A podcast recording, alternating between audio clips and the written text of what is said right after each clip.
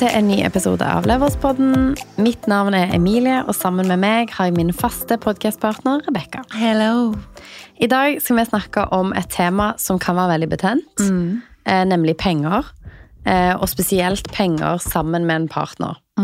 Veldig mange syns at penger kan være ubehagelig å snakke med venner om, med familie om, og spesielt kanskje med den personen man er sammen med. Fordi at eh, man f.eks. tjener ulikt, man betaler for forskjellige ting, og rett og slett det kan bare være ubehagelig. Vi har jo også kartlagt noe eh, tidligere hvor for eksempel det har vært litt myter om at jenter ikke skal snakke om penger. Eh, du skal aldri fortelle hva du tjener. Og så at det har vært litt sånn skambelagt å snakke om penger. Men eh, i et forhold eh, så er det utrolig viktig at man kunne snakke om sånne ting for at ting skal kunne fungere. Eh, og så er det sikkert folk som syns det er vanskelig fordi kanskje, kanskje man har noen sving på skauen, jeg vet ikke. Men at man, man, eh, ja, man syns det er ubehagelig, og kanskje ikke nødvendigvis. Jeg tror det er, det er liksom mye myter rundt det. da. Emilie, du er jo i et forhold med Håvard. Mm. Hvordan, hvordan snakker dere om penger hjemme? Snakker dere om penger hjemme? Kan ikke du fortelle litt om hvordan deres forhold til penger er? Vi snakker mye om penger. Eh, Jeg tror fordi at vi begge har vært veldig interessert i å investere, blant annet, så har vi alltid snakket om fond, sparing, eh, vi har snakket om eiendom mye. Det har liksom vært en veldig naturlig del av vårt forhold. Men jeg tror det at hvis man har den ubehageligheten rundt penger, så blir det veldig ofte én person som blir liksom CFO hjemme, og som ordner alle tingene. Og da blir man veldig sånn ute av synk med hverandre om betaling av ting, budsjetter, eh, rett og slett sånn hva har vi på bok? Eh, hvis du har fellesøkonomi, hva har vi investert, hva har vi i pensjon, eh, hva har vi utbetalt, hva har vi av faste kostnader? At noe av det vi har funnet ut at det er veldig viktig, er jo at vi på en måte deler så mye som mulig. Nå har ikke vi felles økonomi, men vi har jo felles kontoer hvor de store tingene går fra. Så vi eier jo leilighet sammen. Eh, Tidligere har vi også hatt sekundærleilighet sammen, som gjør at vi har liksom de største postene vi har økonomisk, eier vi sammen. Eh, Det er alt av forsikringer, felleskostnader, eh, alt det som på en måte kommer med. Renter, avdrag på lån. Sånn at det har vært veldig viktig for oss å på en måte lage et system. Eh, Det å ha felles kontoer gjør jo at begge to får innsikt i hva som går inn og ut. Det kan være et veldig godt tips for de som kanskje har liksom én CFO i forholdet. At det er en som er sånn ja, men det går ut av min, og så sender du meg penger etterpå. At man har en felles konto, sånn at begge vet hvilke regninger som forfaller når.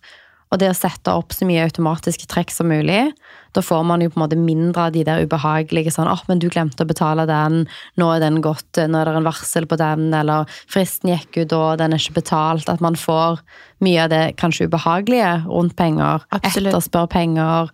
At man er eh, veldig faste på at ok, hver begynnelsen av hver måned så overfører begge to f.eks. 5000 kroner inn på et felleskort, og der går felleskostnader, der går mat, der går alle disse tingene. Og så, Det tror jeg er veldig, veldig lurt. Eh, Det som jeg tror kanskje kan være litt her, er når er det man finner ut av disse tingene?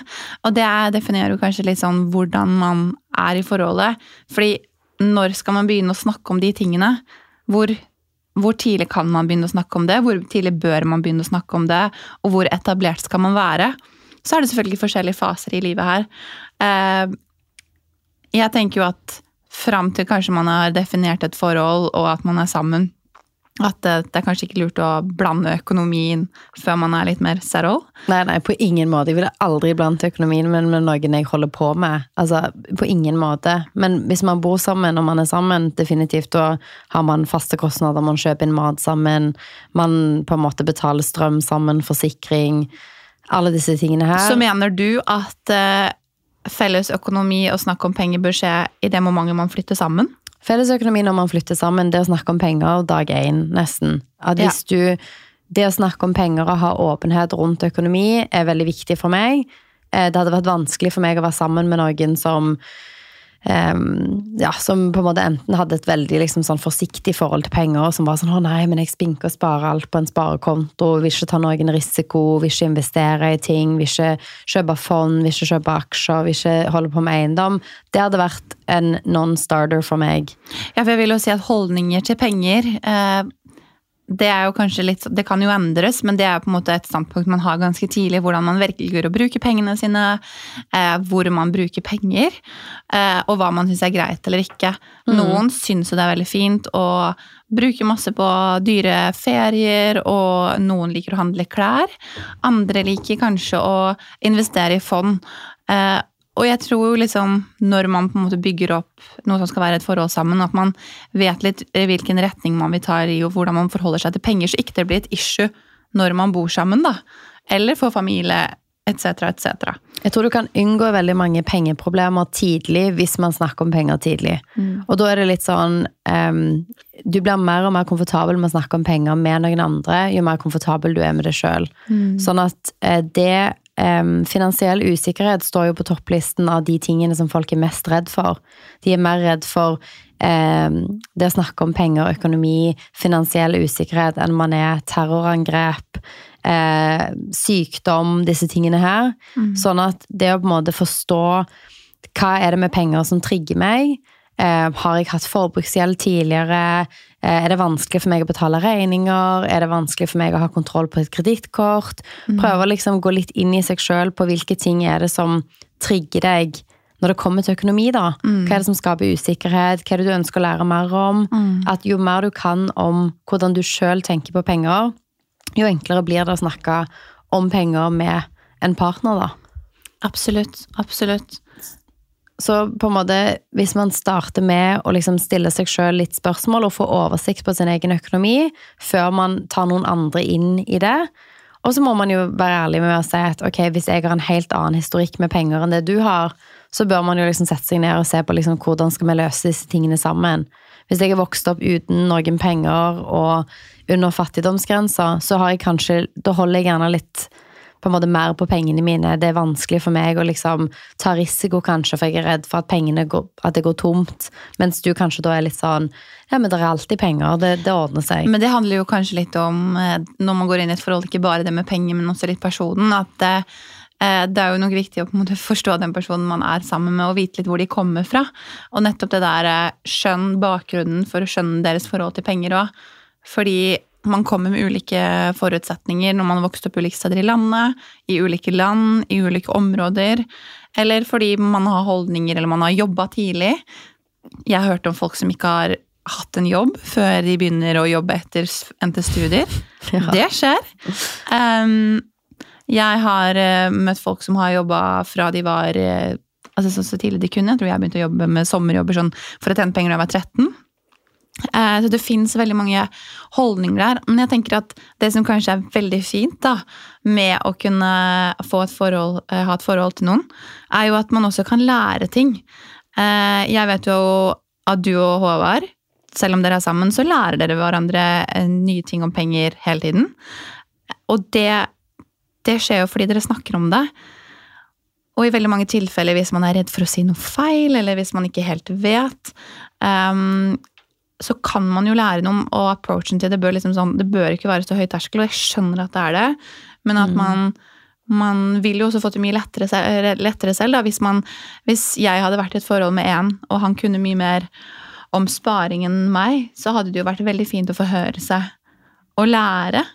Eh, og kontra, kontra, i en annen situasjon hvor jeg kanskje kunne mer om eh, innkjøp eller investering i eiendom at jeg kunne lære disse tingene, og så kan man liksom sammen som team få et fundament som er veldig fint når det kommer til felles økonomi. da.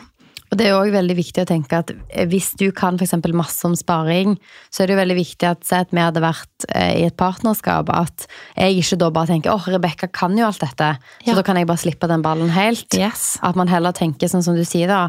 Kunnskapsapproach. Hva kan jeg lære meg? Hvordan kan jeg på en måte lære meg mer om ting jeg ikke kan, eller som jeg føler meg usikker rundt? Og det er kanskje noe vi ser mye med kvinner, at man mm. kommer i en posisjon hvor man enten um, er sammen med noen som kan masse om dette, og så tar man liksom baksederollen på de tingene.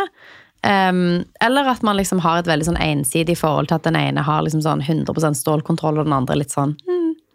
Ja, og det, det, er jo sikkert veldig mange som tenker at det er greit med tanke på rollefordeling, men akkurat når det kommer til økonomi, så bør man eh, ha litt å si. For det endrer seg hele tiden. Det er liksom som å være liksom oppdatert på teknologi og systemer og hvordan ting blir håndtert. Eh, jeg har venninner som um, har vært sånn Å, jeg vil bare møte noen som kan håndtere alt. Eh, og så tenker jeg jo det er jo da, da gir man fra seg jo veldig mye kontroll. Eh, jeg kjenner folk som ikke vet hvordan man betaler en regning i nettbank. Ja. Det, det er jo Det er kanskje generasjonen altså over oss igjen. Det fins folk i vår aldersgruppe òg som på en måte har lært alt av betaling av regninger til å sette opp spareavtaler til absolutt alt som har med økonomistyring å gjøre, til partneren sin. Ja. Og det gjør jo at i det øyeblikket hvor man er sammen og man er lykkelige, så er det kanskje helt fint. Eh, men det øyeblikket noe skjer så jeg hvis det skulle gjort det, så står man veldig på bar bakke, da. At gjerne innser man der og da at man ikke har en pensjonsordning, man har ingen oppsparte midler. Alt av pengene du har tjent inn, har gjerne gått til forbruk, kontra partneren din som står som hovedeier av huset, eier av bilen, eier av hytta, eier av eh, en IPS eller en aksjesparekonto. Og det er en ekstremt sårbar posisjon å være i. Så det å på en måte komme seg inn tidlig og lære disse tingene, sånn at man slipper å være i en posisjon hvor man um, ikke vet helt hva som skjer eh, økonomisk i sitt eget liv. Ja. Så er det jo òg viktig å tenke at sånn alle parforhold er jo òg Si at man planlegger å ha barn sammen, da, og ha en framtid sammen. Det er jo på en måte Hvordan skal vi lære våre barn om penger? Hvor mye skal man gi? Skal man sette krav om at man skal ha en jobb? Um, så det er noe meg og Håvard i hvert fall har snakket mye om at um, Hvilke ting er det hvis, hvis vi får barn i framtiden, da? Hva ting er det vi kommer til å gi, og hvilke på en måte forutsetninger er det vi kommer til å sette for at ja, man skal ha jobb, eller om man skal ha ukepenger, de tingene der, da. Mm, jeg tror det er, det er så mange sider ved det. Altså, penger kan påvirke på et forhold, men hvis vi skal gå tilbake til litt eh, utgangspunktet vårt der vi starta Si at man eh, er litt ny, for jeg tror at det vanskeligste er kanskje når man er ny i et forhold, eller på vei inn i et forhold. Man er i liksom den bli kjent-fasen litt. Eh, hvis man hva, hva skal man ta tak i? Hvordan skal man liksom begynne den approachen? Og det er jo, det er jo sikkert ikke noe rett svar her, fordi alle er jo så forskjellige. Men, men hvordan ville du, forholdseksperten på sida her, gått frem? Absolutt ingen ekspert, men eh, det er veldig mange som tipser om å ha sånn type eh, Noen kaller det styremøte, andre kaller det budsjettmøte, noen kaller det pengedate. Har man det? Nei, at man, at man på en måte bare tuller. Dette er nytt konsept for meg. At man liksom egentlig setter av liksom sånn om det er en halvtime eller en time eh, annenhver uke eller hver måned til å være sånn ok, hva ting skal ut denne måneden, hva skal inn, eh, inntekt, er det noen eh, ekstraordinære inntektskilder, skal vi investere noe spesielt denne måneden, altså at man bare tar en sjekk. Um, og vi har hatt litt sånne samtaler fordi at vi har drevet med eiendom sammen. Og da er det jo mange hundre tusen gjerne i innkjøp over en periode på noen måneder, fordi vi skal kjøpe inn bad, gulv, vegger, maling, Ja. alle disse tingene. Og man har um, kanskje perioder hvor man skal motta pengene eller oppgjør fra et salg, hvor man liksom kanskje plutselig får 800 000 på konto hver. Ok, da legger vi en plan for liksom, ok, hvor mye av disse midlene skal videre i neste leilighet, hvor mye av det skal inn i fond. Um, nå er vi i en periode hvor vi har mye kostnader, vi skal i masse bryllup, vi skal liksom på turer og alle Mm. disse tingene, sånn at vi setter oss ned og planlegger, da. Ja. Så det tror jeg er et godt utgangspunkt, å ha en åpen dialog rundt penger, planer, hva kommer til å skje, hva trenger vi penger til, hva setter vi av penger til denne måneden. Jeg tror det du sier der, å ha en åpen dialog, eh, er jo fint. For jeg tror hvis man kan snakke om de fleste ting, så bør også penger være en av de tingene. Så tror jeg det er en ting man lett unngår fordi man syns det er ukomfortabelt. Og jeg tror kanskje det er noe som ligger litt sånn latent. Eh, Et godt eksempel for det er jo hver gang du og jeg skal gjøre en jobb, så lar jeg deg, da, deg ta meg av liksom forhandlinger og det med penger og budsjett. Eh, Fordi jeg finner det ukomfortabelt.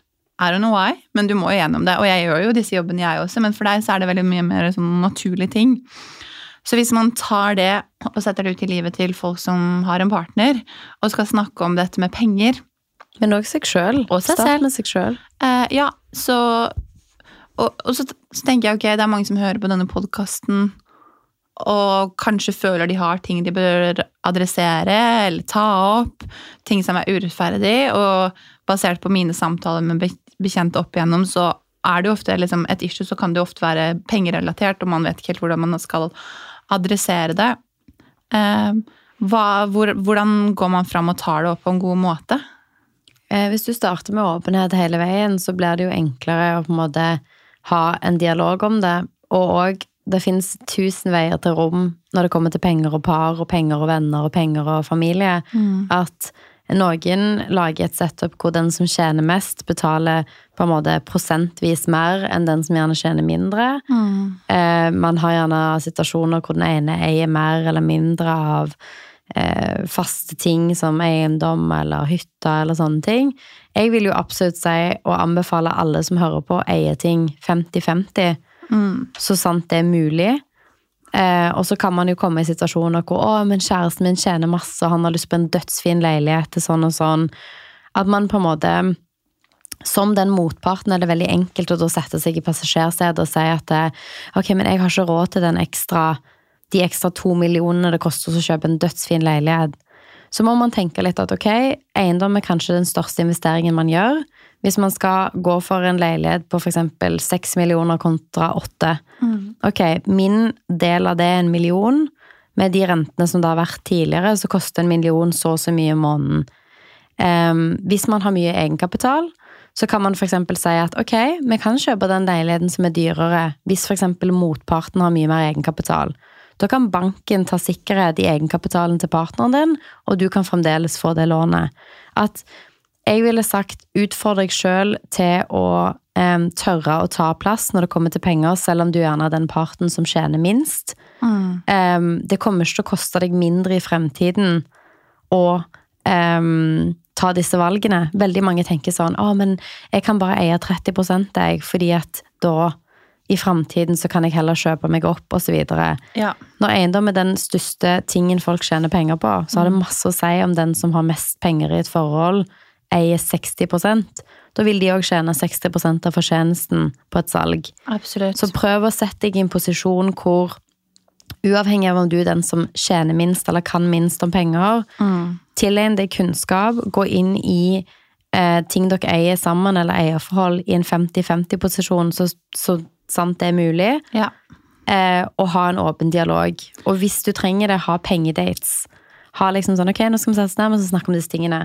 Jeg skal betale felleskostnader, eh, forsikring, sånn og sånn og sånn. Ok, hva er det som går inn, hva går ut? Ja, og så tenker jeg også sånn Pengedates er veldig sånn ok, nå skal vi sette oss ned og gjøre det her, men også bare Jeg har lyst til at vi skal snakke litt om penger. Jeg har lyst til å høre litt hva du tenker om om sparing. Eh, nå handler jeg mye. Hvordan skal vi legge det opp? For jeg tror ofte så kanskje man bare faller inn i mønster litt også, hvor man, blir, man, tar visse roller. Én fikser strøm, én fikser det. At man setter seg ned og bevisstgjør litt. Men nå skal jeg ta et litt sånn scenario her, en case som skjedde. Fordi det er en veldig sånn eh, problemstilling som jeg tror mange kommer over. Så jeg kjenner til et par hvor han tjente betraktelig mer enn henne i en periode, og hun var student. De delte leilighet, samme leilighet. Uh, og han uh, ville Altså, han bodde i en leilighet da som passa mye bedre til hans um, inntjeningsnivå enn hennes. Men hun flyttet inn hos han og betalte halvparten av husleien. De leide, de eide ikke på dette tidspunktet. Hun, hun klarte det med sin sidejobb og alt. Og så kommer det dette med liksom fritidsaktiviteter og ferier. Og han som da tjente godt, bodde i en flott leilighet, hun bodde der mens hun studerte, også betalte sin del av leia, ville dra på fine, flotte ferier. Og det er jo noe man veldig gjerne vil, fordi du vil jo gjerne reise på ferie med partneren din, du vil jo gjerne være med på alt som er gøy, og koste deretter. Og han var av den oppfatningen da at eh, han ville dele alt 50-50. Og hun syntes det var veldig vanskelig å gå med på og liksom og ikke gå med på det. Så hun var jo med og hadde jo liksom fikk penger, men det var liksom sånn ukomfortabel greie. Og jeg vet at hun også prøvde liksom å adressere at liksom, kanskje vi skal gjøre noe annet, kanskje vi skal dra et annet sted. Men den samtalen mellom de, og liksom finne noe som var på halvveien var, var vanskelig.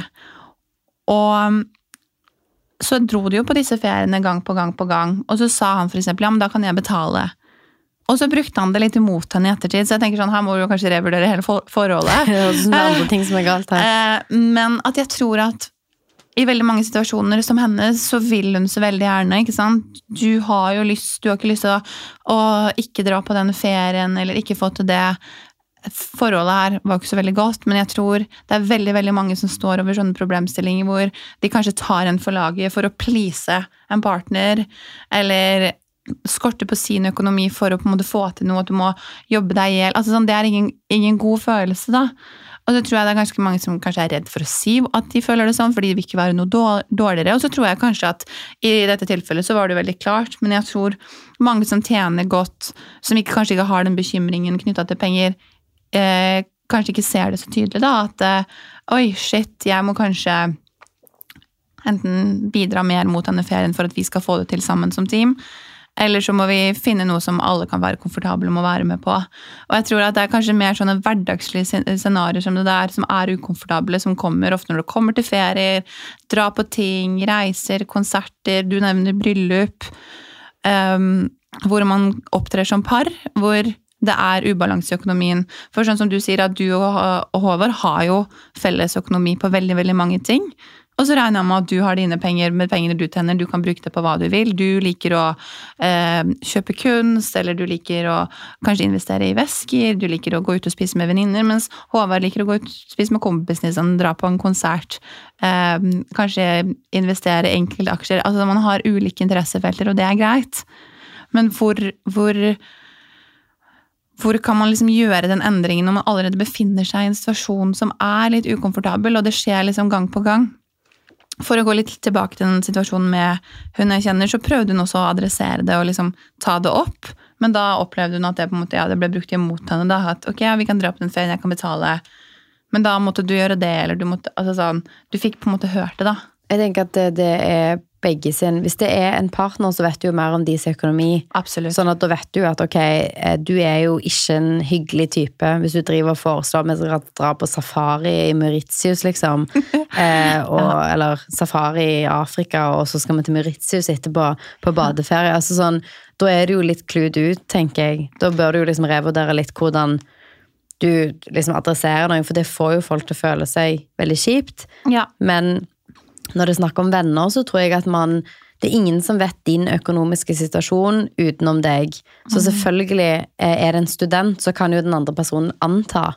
Men eh, man vet jo aldri hvordan folk sin økonomiske situasjon er. Man vet jo gjerne ikke hva folk tjener, eller hva inntekter de har ved siden av, eller om de leier ut et rom i leiligheten og har kjempegod økonomi, eller hva enn man på en måte Så der må man jo sette noen grenser for seg sjøl. Og i det caset så tror jeg man burde si at du, hei, jeg blir ukomfortabel av dette her. Jeg er student, jeg kan ikke dra på safaritur til Namibia, på en måte. Det, sånn, jeg har ikke muligheten til å gjøre det. Nei. Og ikke sette meg i en situasjon hvor jeg må ta opp et forbrukslån for å henge på med deg. Sånn er, det funker ikke sånn. Og så må han på sin side liksom ta eierskap til at han, hvis han skal foreslå ekstravagante ting, så må han fraskrive seg muligheten til å klage eller å på en måte holde det over hodet hennes i etterkant. Eller så må han si dette er min drøm å få til, jeg ønsker å, å ta med deg på disse tingene.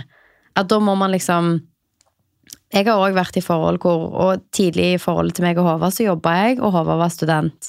Nå hadde han spart mye og fått til mye mens han var student, så han hadde mer romslig økonomi. Men da måtte jo jeg justere hva er det som føles ut som en hverdagslig ting for meg, som er en ekstravagant ting for en student. Eksempel å gå ut og spise. Og da må man jo ta hensyn til den andre personen, men ingen kjenner din økonomiske situasjon som du gjør. Så ansvaret er jo å si veldig klart ifra. Det kan føles sykt ubehagelig, og hvis den andre responderer med på en måte en dårlig måte å respondere på, eller ha det over hodet ditt, eller Ja. latterliggjør din økonomiske situasjon, så kan det jo være andre ting som skurrer utenom at man har et dårlig forhold til å snakke om penger, da. Absolutt, her tror jeg det var flere ting som skurra, men et godt eksempel på det er at jeg tror mange syns det er vanskelig å si fra i situasjoner med penger. En annen ting som jeg har tenkt litt på, er eh, det å kunne snakke med eh, partneren sin om penger. Men også det å snakke med venner om penger er en fin treningsmåte. Vi snakker veldig åpent om det, du og jeg. Vi har alltid gjort det. Og jeg føler at vi har vært veldig ærlige. Det har vært perioder hvor jeg har hatt lite penger, det har vært perioder hvor jeg har hatt mye penger. Jeg tror spesielt som gründer, og det er kanskje flere som kan kjenne seg igjen i, så er man i ganske ofte usikre perioder i en oppbyggingsfase. Man er kanskje avhengig av prosjekter som går igjennom. Sånn har det i hvert fall vært i mitt tilfelle. Og da har jeg vært til deg Nå har jeg lite penger, eller å, vet ikke om det går. det har jeg sagt til deg òg. Ja, det har du sagt til meg òg. Eh, og vi har vært ærlige om det. Du har sagt til meg du sa, nå har jeg brukt så mye penger på oppussing, det er en stressende periode, jeg vet jo at det går over, men at man føler på en sånn litt sånn stress overfor penger, tror jeg er normalt, men normalisere å snakke om det. Og jeg syns det er så fint å kunne snakke om det til deg eller til venner, og jeg tror det, altså sånn forespørsler på å gjøre ting, altså kostnadene kommer om man er i et forhold eller ikke. Eh, kanskje spesielt hvis man dater, fordi man, det er forventning til at man hele tiden skal være med på ting, man må ut og spise, eller man må finne på kjekke ting, og ofte så koster mange kjekke ting penger. Mange, mange ting gjør jo ikke det også. Men å kunne liksom være litt ærlig om situasjonen sin, både mot seg selv og andre, tror jeg er viktig, da.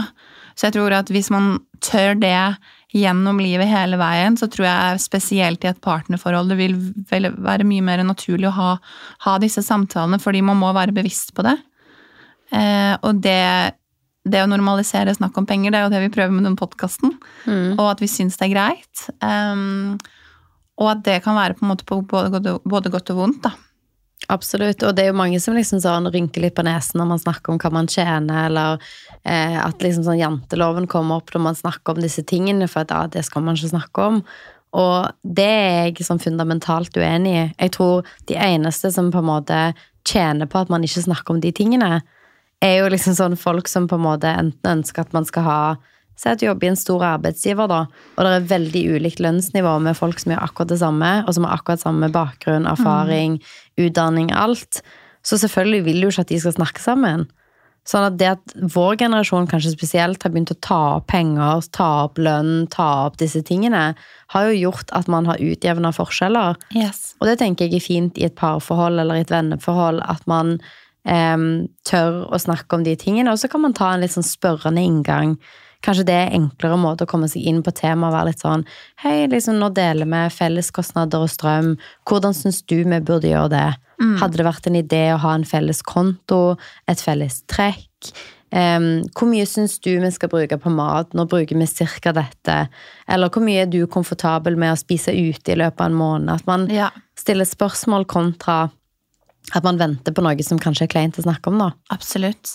Jeg tror det du sier det der og at man skal gå inn med en, en viss sum. Eh, et annet godt eksempel hvor jeg har et, eh, et vennepar som gjorde det, hvor at hun tjente mye mer enn det han gjorde. Og han tjente ja, mindre enn det hun gjorde.